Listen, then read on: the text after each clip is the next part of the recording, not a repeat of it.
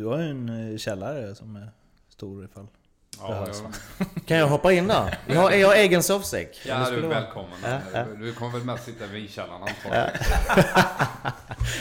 Ja, helt rätt. Men det brukar vara lite kallt där inne. Så. Ja, det är svalt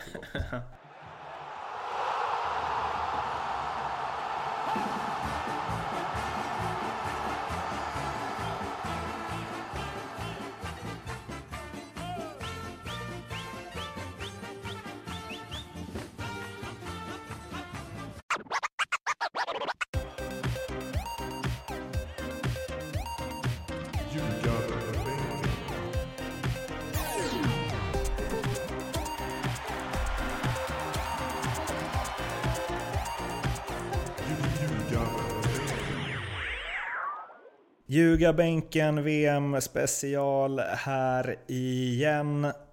Vi är i Helsingborg, hemma hos Erik Edman och har fått besök av Mattias Concha.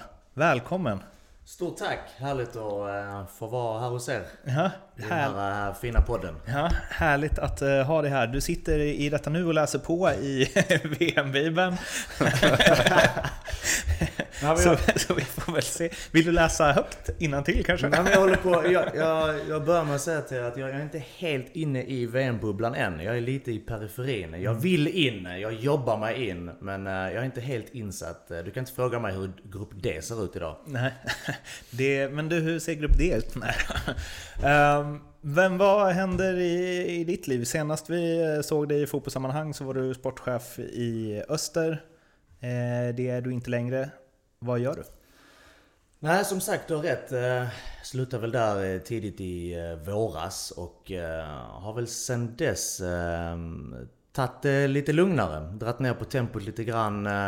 Har en del saker hemma som måste fixas, tar igen tid. Det har varit mycket resande och, och eh, mycket boende på annan ort och studier i Stockholm de senaste två åren. Så att eh, ta igen lite tid med familjen, eh, hitta på saker och, och göra saker hemma som man eh, innan inte hade tid med. Så att eh, det har varit ganska sköna månader för mig här och framförallt också eh, spåna på framtiden. Vad, vad man eh, kan tänkas göra. Och sen, och sen har du jobbat eh, ganska hårt med träningen också. För jag har sett att du har varit med i 16 weeks of hell också. Så du är riktigt fit och vältränad just nu. Eh, nej men jag, jag, var ju, jag var ju på botten där ett tag. jag visade, jag var ett tydligt exempel på hur det kan gå åt helvete på tre år. När man slutar spela fotboll. Ja, när man slutar spela fotboll och, eh, och eh, äter vidare som en fotbollsspelare utan att kanske träna lika mycket. För att det, det stora skillnaden vet ju du Erik. Eh, Innan var ju ens tanke när man inte tränade att eh, återhämta sig. Och nu när du inte tränar så är tanken att träna. Så att eh, det blir liksom, eh, det blir lite annorlunda där, eller hur? Nej, jag känner inte alls igen det. Var bara, det var, blev lite för mycket återhämtning utan träning. Exakt! Nej, men det, man, man levde gott och eh, man eh, passade på. Man, man tänkte fan jag har sprungit så jävla mycket i mitt liv, nu ska jag ta det lite lugnt. Ja. Men sen så gled jag in på det här eh, programmet där jag kände jag ska utmana mig själv. Jag gillar ju liksom testa hur, hur hårt kan jag pusha mig själv.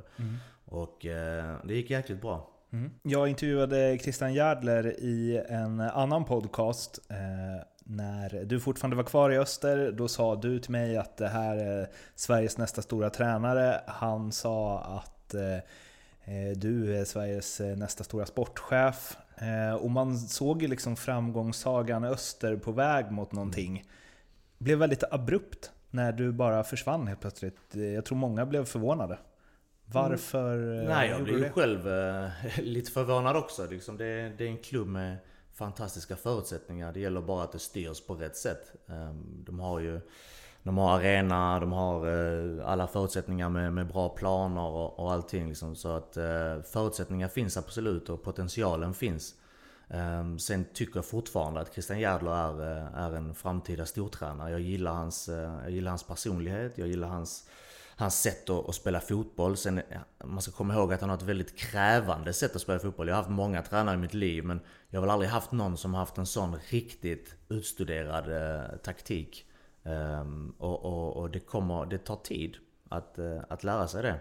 Eh, vi såg på Värnamo där vad han gjorde på ett år och det tog åtta åtta månader nästan innan, innan saker och ting eh, satt out, eh, per automatik. Och det är någonstans dit man vill komma. Man ska inte behöva gå ut och tänka på vad man gör utan det måste tränas in. Och jag tror att, jag är helt säker på att eh, har han bra material eh, och alla börjar förstå hur han vill spela fotboll så, så är det en väldigt, väldigt bra tränare. Men eh, var det lika förvånande för dig som för eh, oss runt omkring att du fick lämna? För det kändes ändå som att det är sportchefbanan som mm. gäller här och du fick mycket cred och så.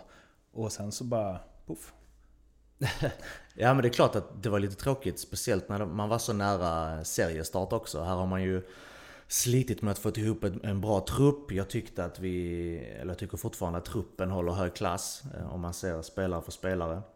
Eh, så det var ju lite synd att man inte får vara med på resan och se vart, vart det kan bära. För att mitt mål var ju hela tiden att ta, ta upp laget i Allsvenskan och att inte få vara med på resan och ta upp laget i Allsvenskan. Eh, det är såklart tråkigt. Hur ser glöden ut för att jobba med fotboll idag hos dig? Alltså, jag är väl li... Om jag ska vara helt ärlig så, så kan jag nog tänka mig att, att, att byta lite grann. Eh, jag har suttit på en del stolar nu inom fotbollen och man har levt i fotbollsbubblan sedan man var 13 år liksom. Så att någonstans i mig kan jag tänka mig att kanske testa på något annat för, för utmaningens skull. För att se hur klarar mig i de här forumen? Hur klarar mig i den här miljön? Annat folk. Uh, inne i den här fotbollsdammen. Mm. Du stöter på samma människor hela tiden. Det är samma agenter, det är samma spelare som rullar, det är samma tränare. Och någonstans kan jag känna att det kanske skulle vara gött att bara byta lite grann för ett tag. Sen kan det vara att det går några år och jag känner fan jag vill in i fotbollen igen och då är det inte för sent. Vi eh, på Ljugarbänkens Facebook, eh, ni som eh, följer den, eh, såg ju att vi delade med oss av en bostadsannons för ett tag sedan. Du eh, säljer eh, ditt hus. Var ska du bo? Nej, men vi, vi har lagt ut huset till, till försäljning, mycket riktigt. Men vi har ingen stress med, med, när det säljs utan vi lägger ut det så får vi se hur lång tid det tar. Det är ett objekt som kan ta lite tid mm. och, och, kräver sin, sin rätta köpare. Så att, eh, vad som än händer så har vi tänkt sälja huset även om vi stannar i Sverige eller om vi åker utomlands. Så att, mm. får vi se. Ehm, du har ju en eh, källare som är stor ifall Ja, jag... Kan jag hoppa in där? Jag har, jag har egen sovsäck. Ja, du är välkommen. Ja, ja. Du kommer väl med sitta i vinkällaren antagligen.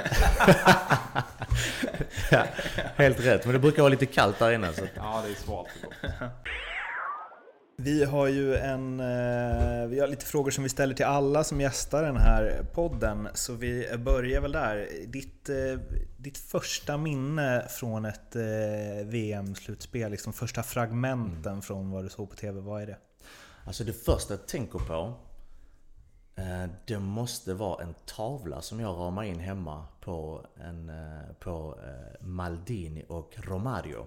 Mm. Det är mitt första, när du säger VM, det, det, var ju VM 94 mm. när de möttes i någon match. Jag var ju 14 år och precis då så, så är man liksom på gång att välja sport. Jag höll på med tennis och ishockey och allt möjligt på den tiden. Men efter det VMet där, där, jag, där, jag, där man såg alla de här stjärnorna, Bebeto, Romario, italiensk Baggio tror jag var med till och med. Och då var det så här, fan det är fotboll jag ska spela. Det här är, det här är fett.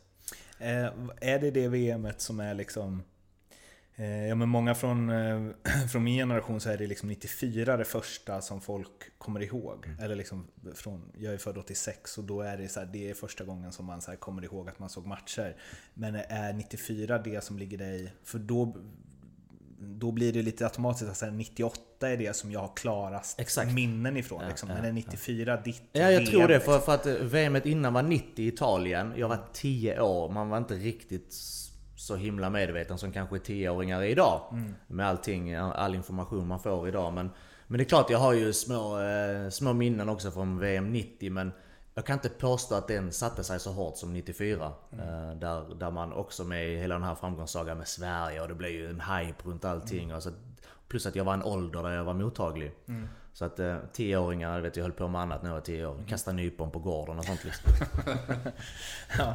Eh, det, var, det, var en, det var en annan tid eh, barn. Det var inte så mycket iPads då utan det var mer... Ja, då sprang man ut och sköt mot väggar och sådana grejer.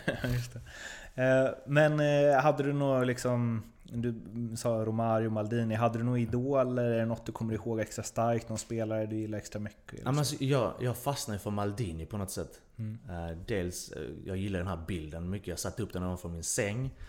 Eh, men jag, jag gillar Maldini. Jag har alltid gillat Maldini på något sätt. Han är, han är en förebild hur man ska agera på en fotbollsplan för mig. Alltså han är aldrig ställt till med några skandaler. Han gör hårt jobb. Han har alltid agerat som en, som en gentleman i många situationer. Eh, Så han har alltid varit en sån här, fan.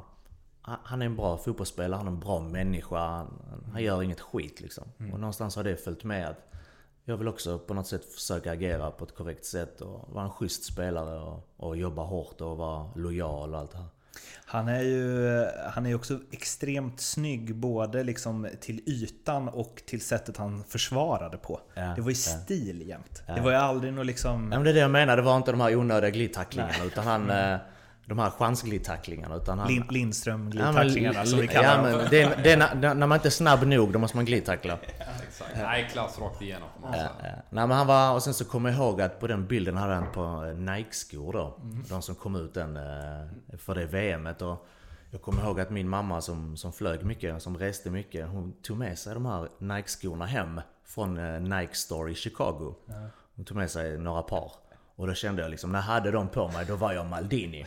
och, och, eh, jag var ju den enda som sprang kring med sådana för att de hade inte kommit till Sverige. Så att där var han min gubbe alltså. Hade du, eh, hade du långt hår också då? Så här hårband och sånt eller? Nej, det kom lite senare. Jag har haft en eh, stökig period med långt hår. Ja, okej. Men eh, det försvann rätt fort. Okej. För det är ju en grej bland italienska backar att de kan ha... Mm. Fast de kan ju ha långt hår utan hårband. Och ändå ligger det helt perfekt Det är något tiden. konstigt med det. Även om jag har eh, italienskt blod i mig så, så låg inte mitt hår rätt. Nej. Vilka vinner VM? Oj, går rakt på sak alltså. Mm. Ehm, bra fråga. Alltså jag tror att Brasilien, fantastiska ju. Alltså får de ordning på sakerna, kommer de in rätt i turneringen, bygger de upp ett självförtroende så jag ser, den, jag ser inte någon som kan ta dem om de verkligen kommer upp på maxnivå. Om Neymar är, är frisk och, allt det här. Om, om alla är, sätter sina formtoppar just under, under VM så de kommer komma till final i alla fall. Sen är det väl, får vi se vad som händer där. Skytteligan? Skytteligan, ja om man nu ska prata... Man måste ju ta någon spelare som man tror i alla fall kommer så långt som möjligt. Som får flest chanser att göra mål. Men kommer Neymar bra in i turneringen så kan han mycket väl vinna. Finns det någon spelare som eh, under tiden som du bläddrade i VM-guiden här, Mm. som du tänker så här, får ett genombrott? Som kanske liksom tar det där sista och blir en, en stor stjärna liksom? Oj.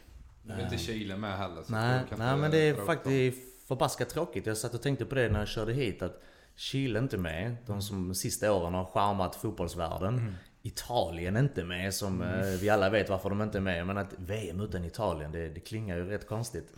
Eh, men eh, svårt att säga. Har, har, du några, har du några, själv några tips? Nej, noll tips. Noll tips? Vad hette han i Sydkorea? Ki. Nej men jag, det, det är svårt att säga. Det är kanske någon anfallare som, eh, som får någon, någon flipper och, stänker in några mål. För det där är så eh, alltså när jag tänker på sådana spelare, då tänker jag framför allt på eh, Luis Hernandez i Mexiko. Det var 98 va? Tror jag. Eller var det 02? Jag tror det var 98. Då han gjorde, man hade ingen aning om vem det var innan turneringen. Och man har ingen aning om... Det, det faller lite på det, för man vet inte vad han har gjort sen heller.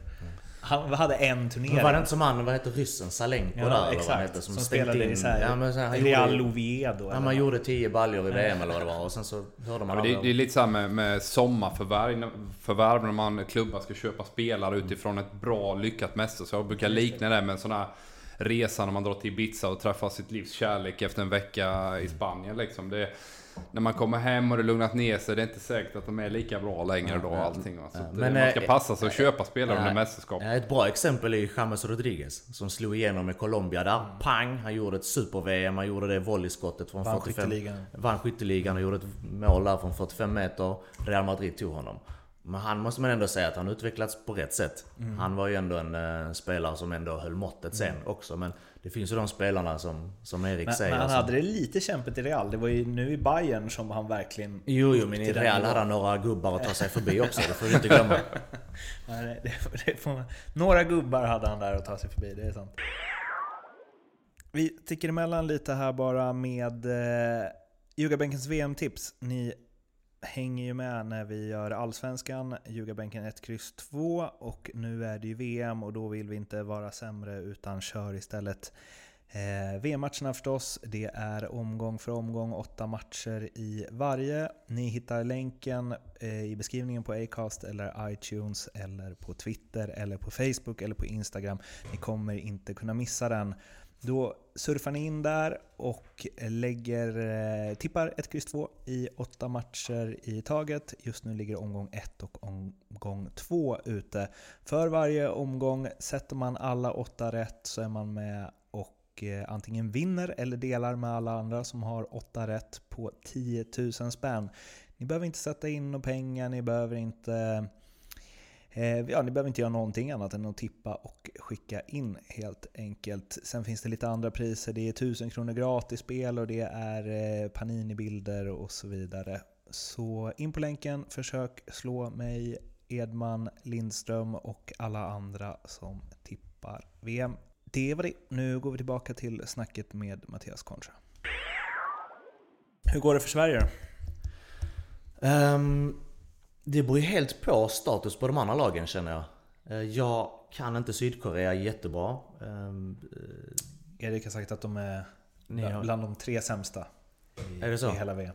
Ja. Det jag har sett så har de sett väldigt svaga ut. Sen så återigen, man får kanske vara lite försiktig och döma ut mm. lag ut efter eh, de här eh, förberedande matcherna, träningsfighter. Man luftar mycket folk och så, men de, de ser svaga ut. Mexiko är jag osäker också på, men de är säkert bättre än Sydkorea. Ja, men Sydkoreas enda chans det är att få en riktigt bra start mot Sverige. Och det vet de om. Så de kommer säkert liksom kraftsamla där och försöka verkligen hålla nolla och liksom så här få igång sina, sina offensiva spelare i Son till exempel. Så att, och även en viktig match för Sverige. Mm. Så att det är alltid, inledande matcherna är alltid extremt viktiga såklart. Eh, men eh, någonstans hoppas man såklart att Sverige ska ta sig vidare. Eh, Mexiko vill ju ändå flagga för, för att eh, de, de är under radarn. Alltså de, de försvinner ofta, man pratar inte så mycket om Mexiko men om du går in och tittar spelare för spelare, om du går in och tittar på kollektivet Alltså de kan bli riktigt, riktigt bra. Eh, deras liga är inte så jävla dålig som man tror heller. Så att eh, Mexiko vill jag ändå flagga för och de har ju ett fantastiskt eh, hemma, hemmastöd och allt det här som följer med dem över hela världen. Så att Mexiko kan bli en obehaglig överraskning. Och sen med tanke på hur Sverige har sett ut också. Alltså Sverige kan säkert gneta sig till eh, defensiva poäng. Mm. Men jag menar framåt måste man också ha mål för att vinna matcherna. Du kan inte 0-0 dig fram hela, hela turneringen. Utan jag tror att liksom mot Sydkorea, små tekniska spelare, sydkoreansk fotboll har säkert utvecklats också eh, efter de, de eh, sista åren här. Men just den här premiärmatchen är ju alltid så jädra viktig för ett land som Sverige. Man kommer ihåg, eh, spola tillbaka två år där när vi har en match mot Irland som man känner på förhand, fan de här ska vi bara köra över. Och så är man nervösa, stela och nästan lite halvt panikslagna första 45 där nere i Paris. Ja. Den typen av inledning har man absolut inte råd med för Sveriges del. Absolut inte. Ehm, det du har sett av eh, liksom, Janne Anderssons landslag då, under, under det här kvalet och så. Vad, vad, vad, tycker du generellt? Alltså jag måste ju säga kvalet var ju, det var ju kul att se. Jag tyckte de... de eh, jag, jag såg något nytt. Jag såg ett lag som, som, som slet på ett annat sätt. Jag såg ett, ett lag som offrade sig för varandra på ett annat sätt. Jag gillar Jan Andersson. Det är en väldigt... Eh, Värdegrundsbaserad tränare. Han vill åt rätt inställning. Han vill åt rätt eh, värden i, i gruppen och i spelet. Och det har smittat av sig ganska fort. Eh, och sen så är det klart, Sverige vet om att om du går in spelare för spelare så finns det andra landslag som är bättre. Eh, men Sveriges enda chans är att få ihop ett bra kollektiv och sen pricka in några bollar framåt. För rent defensivt så tror jag liksom det är hårt arbetande spelare, de kan springa långt och de kämpar och är fysiskt starka och det här. Men, men det är framåt jag är lite orolig över att, eh, att kvaliteten eh, inte håller. Ehm, nu är ju inte Chile med som sagt och eh, Maldinis Italien är inte heller med. Vilket är ditt andra lag nu om Sverige inte...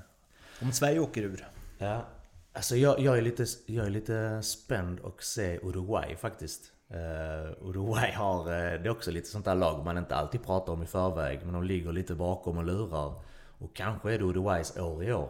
Mm. Jag menar titta, titta hur anfallsspelarna ser ut där med Cavani i, i målsting. Han kan ju avgöra matcher från ingenstans. Uh, och Uruguay ska vi inte glömma, det, det, där pratar vi hårt arbetande spelare. Liksom. Det, det, de är ja, riktigt tuffa. Är de lite... Det är lite Chile? I deras sätt Ja fast det, det är ett grisigare Chile. Uh -huh. Alltså, det är alltså... När Chile och Uruguay spelar då, då är det röda kort, gula kort, brutna ben, eh, bengaler in. Alltså det, det är kaos. Uh -huh. Så att... Eh, det, det är Chile fast lite... Hur ska jag säga? Jag, jag tycker ändå chilenska spelare är lite mer tekniska överlag. Mm. Det, det, är fart, det är teknik, det är kamp. Mm. Uh, men, uh, men uh, det ligger mycket i det också i Uruguay. Fast de är ännu mer kamp. Och så måste jag säga att de har faktiskt rätt starka spetsar de också. Mm. För det är det man ser det. För jag tänker att båda de lagen är lag som jobbar hårt, jobbar för varandra. Och sen så att de har så tydligt att liksom Uruguay har ju Eh, Cavani och eh, Suarez. Suarez. Eh, Medan Chile har väl liksom, det har väl mest varit eh, Alexis och eh, Vidal liksom, ja. som har varit fixstjärnorna. Att det blir så tydligt att så här, Och sen så finns det massa bra spelare runt om där. Ja. Som... Jag, jag uppfattar att det är lag som ofta höjer sig. Mm.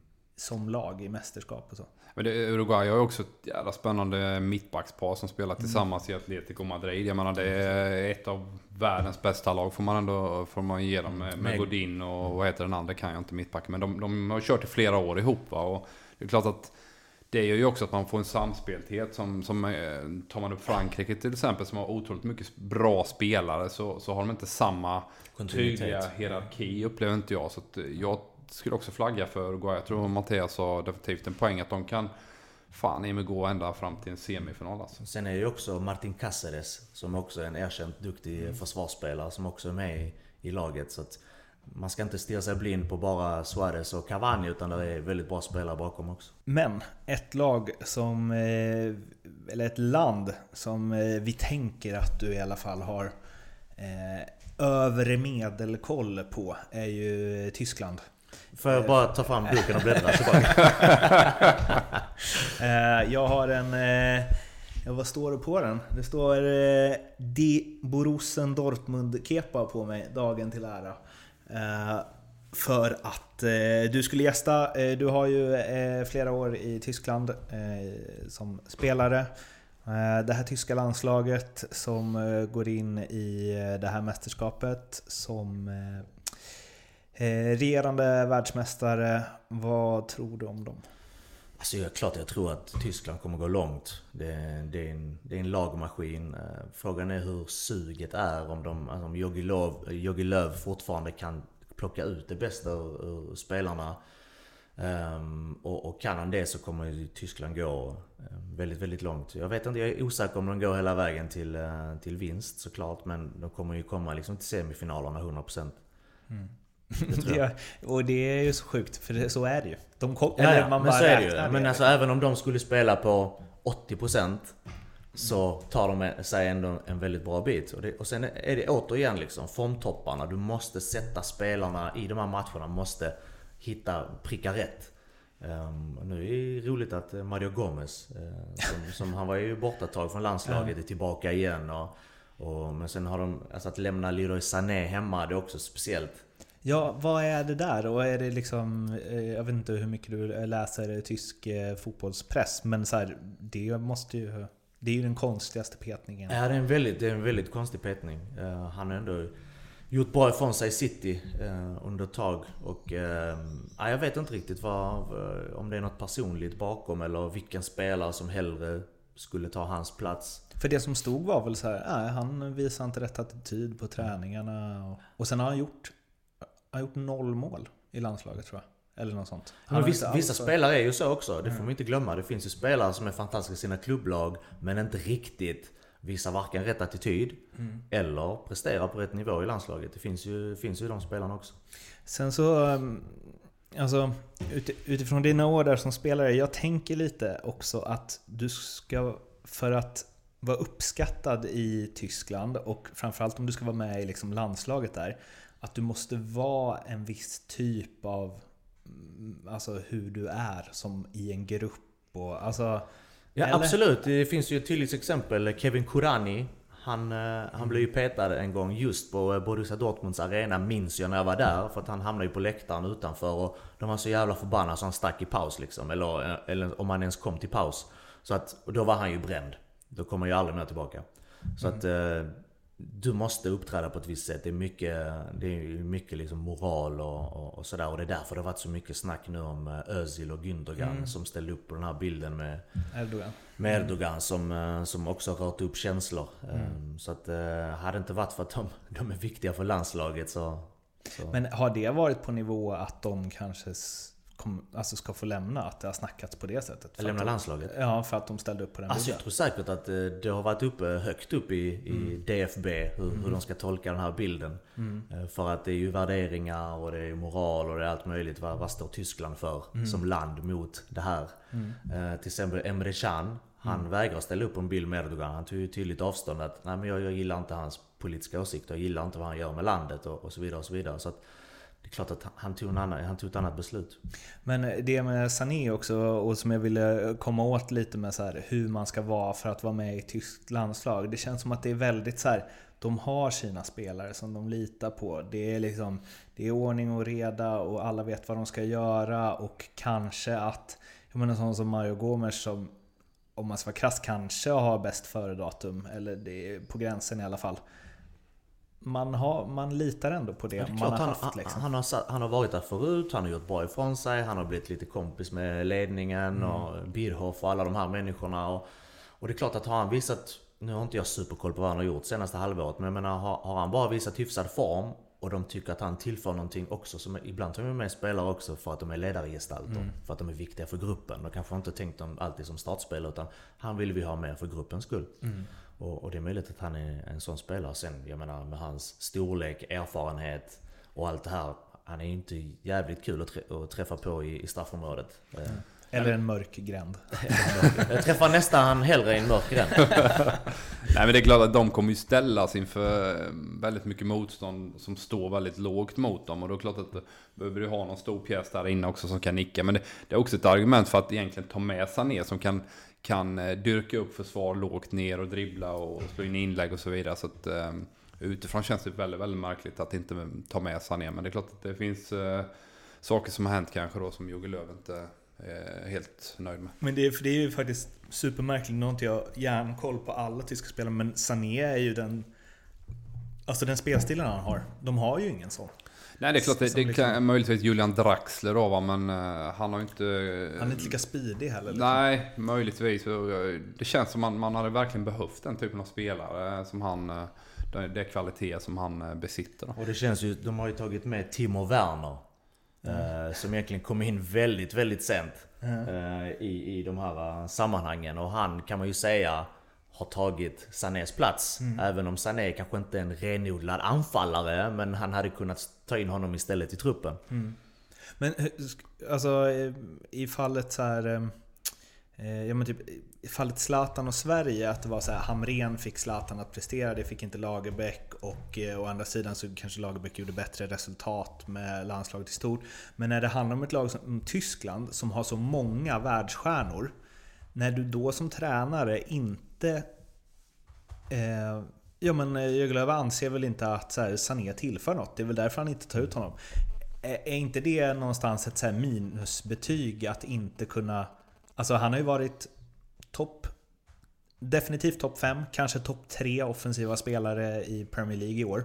Det måste ju vara ett underbetyg till tränaren. Liksom. Ja, du menar kring ledarskapsbitar Ja. Jag, det är intressant att säga det. Jag satt faktiskt och snackade med Roland Andersson, en gammal polare till Concha där, angående kring hur du bygger en trupp vid mästerskap. Va? Att man, du har ju, säg 15 spelare som man tänker, de här kan spela fotboll under ett VM. Sen har du 7, 6, 7 till där va, som, som inte egentligen kommer spela någonting. Va? Så det är möjligtvis han har resonerat kring att nej, han är inte en av de 15.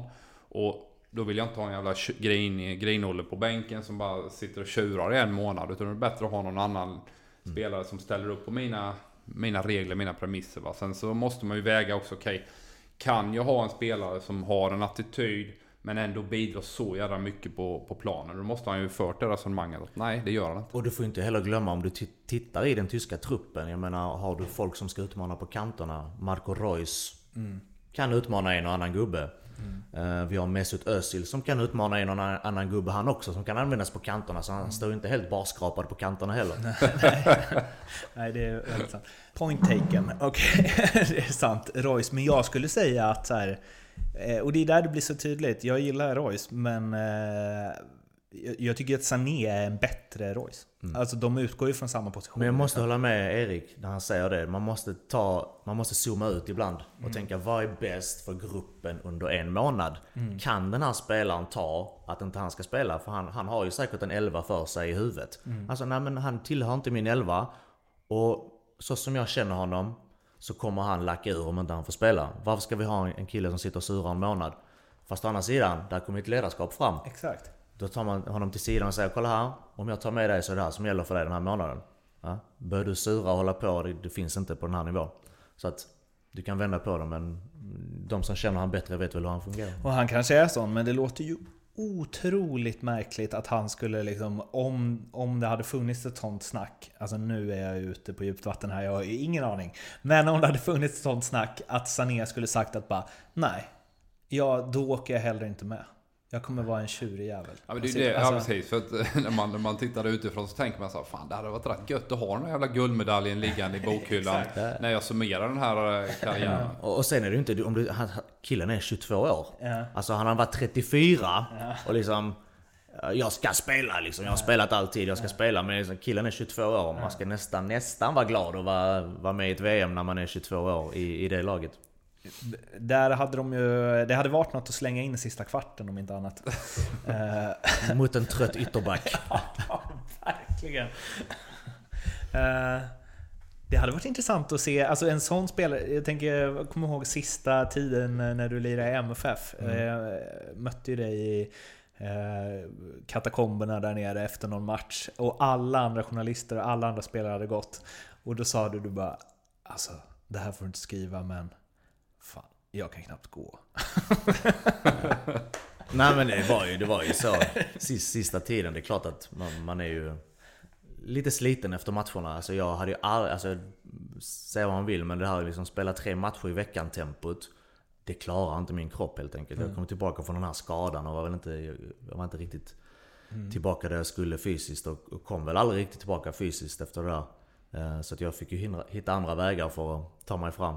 Jag tänker på, jag tänker på eh, din sista tid i MFF när jag ser eh, Safari spela nu. Ja. För att han kan liksom gå ut och så stretcha sin vad. Ja. Och sen så går han ändå in och kör som att han inte har ont. Och sen så blir det paus, stretchar vaden ja. lite och Nej, så det, köttar det, han på. Liksom. Ja, men det är saker som händer över 30. Det, det är ju sånt som händer. Och, och jag kommer ihåg sista tiden, sista åren fick jag ju, jag fick ju värma upp för att gå ut och värma upp. Ja. Alltså, jag kommer ihåg att jag var ju varm och fin efter en timme på träningen. Uh-huh. Så det tog alltså... då var du igång och då blåste de av? Ja, då var jag igång liksom så här, Lagom till eh, spelet på slutet var jag, var jag fin. Uh-huh. Det är då, för det är där jag tänker, det är då du skulle haft Sané mot dig. Ja, ja. uh, men ibland slår ju fotbollshjärna snabba fötter också. Det är så, man får du vet, när man kommer tillbaka och, och saker och ting inte fungerar som det gjorde innan skadan. Mm. Så jag kommer ihåg, det var, det var en liten chock. Mm. För att jag menar, de bollarna jag hann innan, hinner jag inte längre. Mm. Den bollen jag eh, når i den nickduellen, jag når inte den längre. För jag kan inte hoppa lika högt, jag kan inte trycka från lika hårt med ett brutet ben. Mm. Så att det tog kanske ett halvår innan jag liksom fattade, okej okay, jag, jag, måste lägga om här nu. För att nu, nu hinner jag inte riktigt med när det mm. går fort. Mm. För jag hinner inte med de här grejerna så det är inte lönt jag kastar mig ut här för att jag hinner inte med utan då, då, helt plötsligt måste ju en annan del av hjärnan börja tänka mm. Okej, okay, jag måste placera mig bättre eller jag måste förutse den här aktionen snabbare. Så att, och då börjar liksom hjärnan hitta nya vägar. Och det var rätt intressant för att och, och, och se hur man fungerade. Känner du igen dig eller? Jag känner igen mig helt eh, och hållet där med Mattias. Det är klart att när man blir äldre, du kanske får lättare skador med bristningar och så vidare. Det är klart att då, och återhämtningsdelen tar mycket längre tid. Och, eh, rätt spännande att höra det här, just att man måste ställa om sitt spel lite grann. Och har man levt på vissa saker så måste du kunna göra andra. Klart att med erfarenhet så, så blir du skickligare på, på att läsa spel och, och parera situationer. Men någonstans så, så är det frustrerande, i alla fall var det för mig, att känna att fan jag kan inte göra det jag gjorde för fem, sex, sju år sedan. Jag håller med helt. Jag håller med helt. Hur ser ni det? Alltså för nu ja, fastnar lite på Sané här, men han är ju ändå, man får ju säga att han är en oerhört, eh, inom citationstecken, modern spelare. I hans spelartyp. Och det känns som att det kommer komma mer och mer sånt där liksom speeden med bollen klistrad vid fötterna kommer bli liksom, vi kommer få se fler och fler sådana spelare. Lite så här konstgrässpelare är ju det som ja, han är. Liksom. Och det är inte jag, Erik Edman. Nej. Så vi har slutat Mattias. Eh, men hur skulle ni... Alltså, och City är ju väldigt där, han, Sterling och så vidare. Ehm, sen ni hade era primes, liksom, hur mycket har fotbollen gått framåt sen dess? Tycker ni? Alltså hur, senaste åren, har det utvecklats mycket eller är det, är det bara bättre tv-sändningar? Liksom? Det är filmat på ett bättre sätt. ja, exakt. Skarpare bild. Nej men alltså de här spelarna är ju framförallt de här spelarna som vill kombinera sig. Alltså att möta en spelare som du vet, han dribblar bara. Det är fantastiskt för en ytterback. För du vet de att, för det värsta är de här som kan gå inåt, utåt och även kombinera. Så de passar och så sticker de. Mm. De är svåra att hålla reda på men om du vet till exempel att den här spelaren, han, han springer rakt ner och slår inlägg. Mm. Det, det, är det bästa för en ytterback att veta. Han är extremt vänsterfotad och han ska bara ner och slå ett inlägg. De tar det alla dagar i veckan. Mm. Men de här små snabba spelarna som kan dribbla utåt, dribbla inåt och framförallt vägga sig förbi i hög fart. De är tuffast tycker jag att möta. Sverige ställs ju mot Tyskland. Uh, vad blir viktigt för eh, Sveriges del eh, där? För det är ju... Ja men vi pratar ju som att det är givet att de går till semifinal i alla fall, Tyskland. Och eh, ska man uppbringa lite positiva bilder så har vi ju en 4-4 match eh, under ett helt annat ledarskap än vad det är nu. Eh, hur tror du Janne tar sig an det här? Jag tror att det blir liknande historia. Man, man, man har samma Eh, plan och tankar som man hade mot eh, Frankrike. Dubbelmötet med Italien. Det handlar om att sätta en, en stark defensiv. Men sen får man inte heller, det går liksom inte bara ställa bussen som man faktiskt gjorde stora delar mot Italien. Jag tror ju, mm, man ibland måste kunna vila med bollen. Jag tycker det var man skicklig mot Frankrike borta till exempel. Att det faktiskt andas lite med bollen. För det, Ehm, det, det, är, det, är väldigt jobbigt att spela fotboll om man bara ska försvara 90 minuter. Sen, sen eh, huruvida den här andra matchen blir rätt spännande. Eh, om nu tyskarna vinner, om de nu väljer att lufta lite spelare och, och Sverige kan kanske, får man till en maxprestation så kanske man kan få ett kryss. Mm. Jag tror en, en huvud alltså vad ska man säga, nyckeln, det, jag tror det är mod. Du måste våga stå på ett bra sätt, men framförallt när du får bollen måste du våga hålla den. Mm. Alltså det, det finns inget värre än att bli av med bollen fort när du har vunnit den. Mm. Och då får du jaga, då får du jaga, då får du jaga. Då kommer bollarna igen hela tiden. Du kommer knappt ibland över planhalvan. Och då är du inne i en negativ spiral. Utan man måste våga ta in den, vårda den, trycka upp spelare och framförallt ta vara på de chanserna man får. För det kommer inte vara jättemånga chanser man får. Men för det där med Italien räknar jag inte in på den nivån för jag tycker inte att de är där uppe nu. Visst, de kanske kan försvara sig till 0-0 mot vilket lag som helst. Men om man ser på vilka spelare de har så är ju spelar inte de på alls samma klubblagsnivå som spelarna i Tyskland och Frankrike. Men om man jämför med Frankrike då. För det du säger att det gäller att vila med boll. Så skulle jag säga att Tyskland är eh, ännu svårare där än vad Frankrike har. Även om spelarna är kanske på samma nivå så känns det som att Tyskland är bättre på att ta tillbaks boll än vad Frankrike är. Ja det är möjligt. Det är möjligt De, eh, de är extremt skickliga. Alltså får de för sig att trycka på och vinna boll då, då ska man vara väldigt skicklig och ta sig ut. Och eh, det är klart att de, de kommer gå. Alltså det, det bästa tyskarna vet är att få ett tidigt, tidigt eh, ledningsmål. För då håller man i bollen och, eh, och kan vänta ut motståndare på ett annat sätt. Så att, eh, det blir en väldigt, väldigt tuff match. Många gånger när du möter den här typen av eh, liksom, storfavoriter så, så, som Mattias vinner, man vågar spela sig ur den här första pressen. Kan man väl lyckas med det ett antal gånger, då kommer man däremot kunna få mer tid. Är du inne på att, att de har tokpress hela tiden?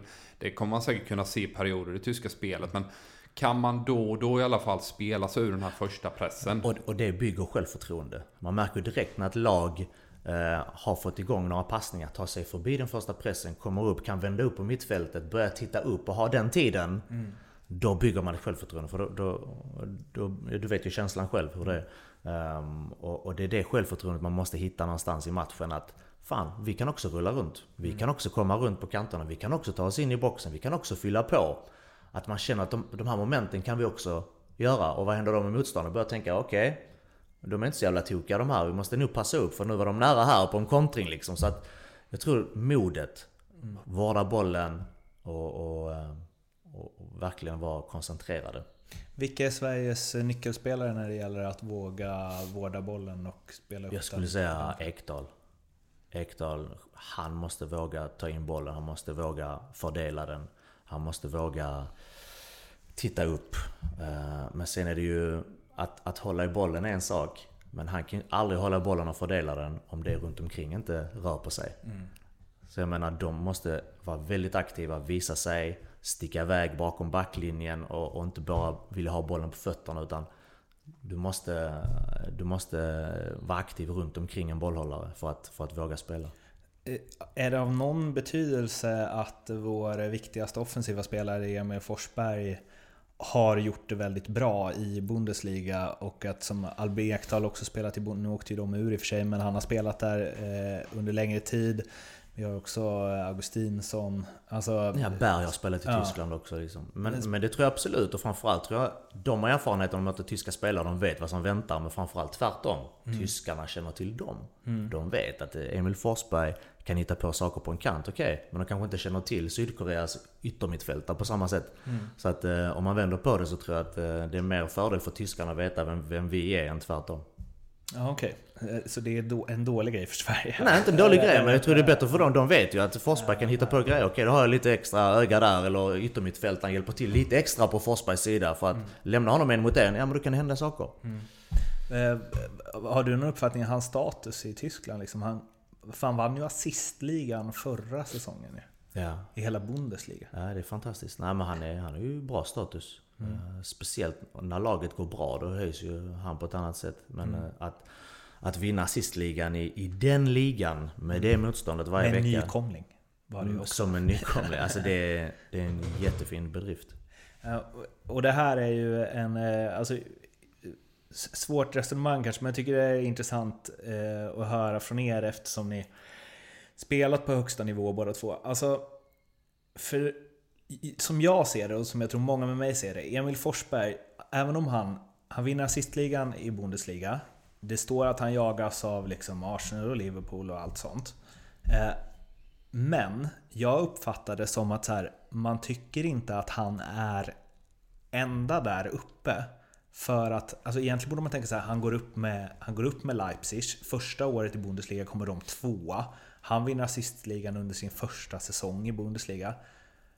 Men man tänker ju fort, eller jag tänker fortfarande så här, han är inte allra högst uppe för att han, om han går till Arsenal och presterar i Premier League också, för att det är en annan grej att dra på sig Arsenals tröja. Eller Manchester, alltså det är samma som med Victor Lindelöf. När han spelade i Benfica, de var ju i semi mot Bayern München. De höll väl nollan mot Bayern München i Champions League-semi. Och han spelade hela matchen. Och då tänker man sig, det är klart att han är grym. Han är ju absoluta världstopp. Ja, och så kommer han till United. Och det är, United är något annat än Benfica. Hur ser ni på det? Liksom? Alltså kan man säga att Emil Forsberg är eh, en av världens absolut bästa framspelare? Nej, det skulle jag väl... Det är väl lite tufft att säga det efter en säsong. Mm. När man gjort det där. Liksom, skulle han komma upp på de här nivåerna år efter år efter år. Då kan du börja prata om det här är världens bästa fram... Alltså mm. på den nivån. Men sen, det är lite som du säger att, att han går bra i Leipzig, det är för att han kanske är i en miljö som passar honom jävligt bra. Mm. Som fotbollsspelare måste du hamna på rätt ställe. Du kan vara världens bästa spelare men prestera som skit för att du är på fel ställe. Mm. Um, så att det är inte alls säkert att han skulle vara magisk i Arsenal bara för att han tar på sig en Arsenal-tröja. Utan det är spelsätt, tränare, språk, medspelare. Allting ska ju klaffa. Och tydligen så är han på en plats nu där han trivs, där hans familj trivs och uh, där han får använda den rollen som, som han är bäst på. Ja, och då blir det så här. Men såklart, ska han ta nästa steg så måste han gå ifrån Red Bull Leipzig mm. och komma till ett större namn. Mm. Och där ska han komma upp där och börja prestera och, och vinna eh, assistligor. Då kan vi börja prata om en, en riktigt bra framspelare. Men att ha gjort det ett år och börja prata om världens bästa framspelare tycker jag är lite naivt. Jag vet inte om du håller med? Jo, men det, det är så det handlar om att göra det där i, i Champions League år efter år. Och, och då, då får du också ett rykte om det att liksom, fan den här liran kan, kan leverera på den absolut högsta scenen. Och som du är inne på också, Leipzig är ett bra lag, men det är inte ett av världens bästa lag. Och han eh, är inte en av världens bästa framspelare. Inte ännu, möjligtvis då om man eh, kommer till, till ett lag som går långt i Champions League. Eller man pratar eh, Premier League. Vi har ju förkärlek i Sverige för att, att lyfta den här engelska ligan alltid. Men när man ser dem leverera de här lagen kanske under Champions League-nivån. Se vad de gör i Europa liksom, så har de ofta väldigt svårt. Va? Så att ibland övervärderar vi kanske också den engelska ligan tycker jag. Va? Och håsar upp den lite väl högt. Det är klart, den ligger ju svensken väldigt nära, Premier League. Och bra TV-produktioner. Men hur bra, hur bra är Emil Forsberg då? Och hur viktig är han för eh, Sverige? Alltså det, han, han är ju mycket inne i ytorna liksom mm. mellan backlinje och mittfält åt motståndaren. Mm. Vandrar in från kanten, hittar ytor. Ja, jag, jag har själv spelat mycket med, med mm. Emil och känner honom både som person och spelare väldigt väl. Och, och, och, men om man säger så här, han... Det talades ju i Frankrike för två år sedan att det är ju han som ska bära det också med Zlatan. För jag menar, han är den kreativa kraften, han är den uh, nykomna stjärnan efter, efter Zlatan. Och uh, för att Sverige ska gå långt så måste han fungera. Mm. Och det fungerar inte så bra. Han kom ju inte loss. Uh, han gjorde inte så mycket väsen av sig EM. Um, så att eh, det gäller såklart att han tar vara på de här chanserna. Nu är han på den absolut största scenen. Nu har han absolut alla ögon på sig. Mm. Vill han ta nästa steg, vill han bli den här fantastiska framspelaren, det är här du ska visa det. Mm. Detta är hans chans att, att verkligen ta nästa steg. Mm. Hur viktig är han för Sverige? Eller han, han är ju den, ja men han, lite som Mattias var inne på innan. När vi har gjort bra matcher, då har han också varit bra. Eh, I kvalet och Mattias snackar lite om det att vi vågar spela in på mittfältet. Eh, till exempel mot Frankrike möter vi Tyskland, men vi måste våga spela in centralt för att han då sen ska kunna få bollen med Ekdal eller Sebastian Larsson. Komma in i fickan, han kommer in från sin kant där och hitta ytan bakom motståndarnas mittfält. Sätta fart med instick och även och, avslut. Och, och, där han är absolut som bäst, det är när han, när, han får, när han får börja på en kant och så driva in i planen mot straffområdet. Eh, när han kommer in i den, i det, gärna få bollen inne i den ytan. Mm. Alltså, han behöver inte alltid ta den och driva in utan han kan smyga sig in där själv, lämna sin ytterback och så ligger och fiskar lite däremellan. Och där ska Ekdal lyfta blicken, trä in bollen där igenom. När han kan komma in där med fart, eller vända upp som han är väldigt skicklig på, så har han ett skott med både höger och vänster som jag har sett väldigt många av på träningen. Och eh, när han kan fyra av någon sån på långt håll som en överraskning, eller kombinera sig fram, eh, där är han som bäst. Nu är det ju långt tills dess när vi spelar in det här. Men eh, om jag tvingar dig till att slänga iväg ett tips på Sverige-Tyskland-matchen. Oh, jag är ju erkänt sämsta tipparen genom tiderna. Eh, gå inte in och lägg ett bett på det resultatet ni hör nu. Nej, nej, men alltså det beror på lite grann. Vilket självförtroende, hur, hur har första matchen gått? Mm. Har Sverige fått med, har Sverige vunnit med 3-0 mot uh, Sydkorea? Kommer in med lite självförtroende. Spelarna har visat att de är i form. Jag vet inte riktigt. Det, men å andra sidan kommer Tyskland upp i, i nivå, spelarna presterar där de ska. Jag, jag ser det som väldigt tufft. Jag 2-0 till Tyskland. Är du inne på samma? Ah, men, ja, det är klart att det blir sjukt svårt match för Sverige, men... Äh, jag säger 1-1. Ja, positiv, jag försöker vara lite positiv. försöker vara lite positiv. Eh, och den närmsta matchen då, vi avslutar med det eftersom eh, ja, du är en sådan tippare som du nyss beskrev det som. Eh, Sydkorea, Sverige. Vad tror du? 2-0 till Sverige igen. Eller 2-1 säger vi. Vi säger 2-1. De kan säkert pilla in något litet mål, men ja, alltså här måste Sverige vinna. Och du kan ju tippa olika i alla program inför. Ja exakt, jag är med i varandra, varandra avsnitt här. Nej men det, det, här matchen måste Sverige vinna. Ska man vidare så, så kan man liksom inte... Uh, ja, sitta med hängslen och livrem utan man måste framåt också som, som vi varit inne på innan också. Mm. Att Sverige måste våga spela lite fotboll också. Och då, återigen då är Forsberg nyckel för att kunna, kunna skapa lägen och ja, jag säger 2-0. Mattias Concha, tusen tack för att du ville vara med. Tack själva, väldigt trevligt att vara här. Ja, kanske, blir, eh, kanske blir flera gånger. Ja, verkligen. verkligen. Jag bor inte så långt härifrån. Än så länge. Än så länge. Nej, men du kanske bor eh, ännu närmare snart. Det var ju vinkällaren. Ja, jag vinkällaren. Men eh, med, vara da, varje med, med dagens teknik kan man bo överallt. Exakt.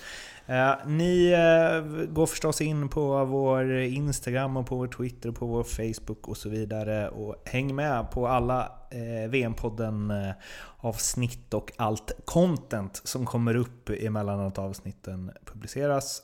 Vi hörs igen imorgon tills dess. Ha det bra, hej! Hejdå.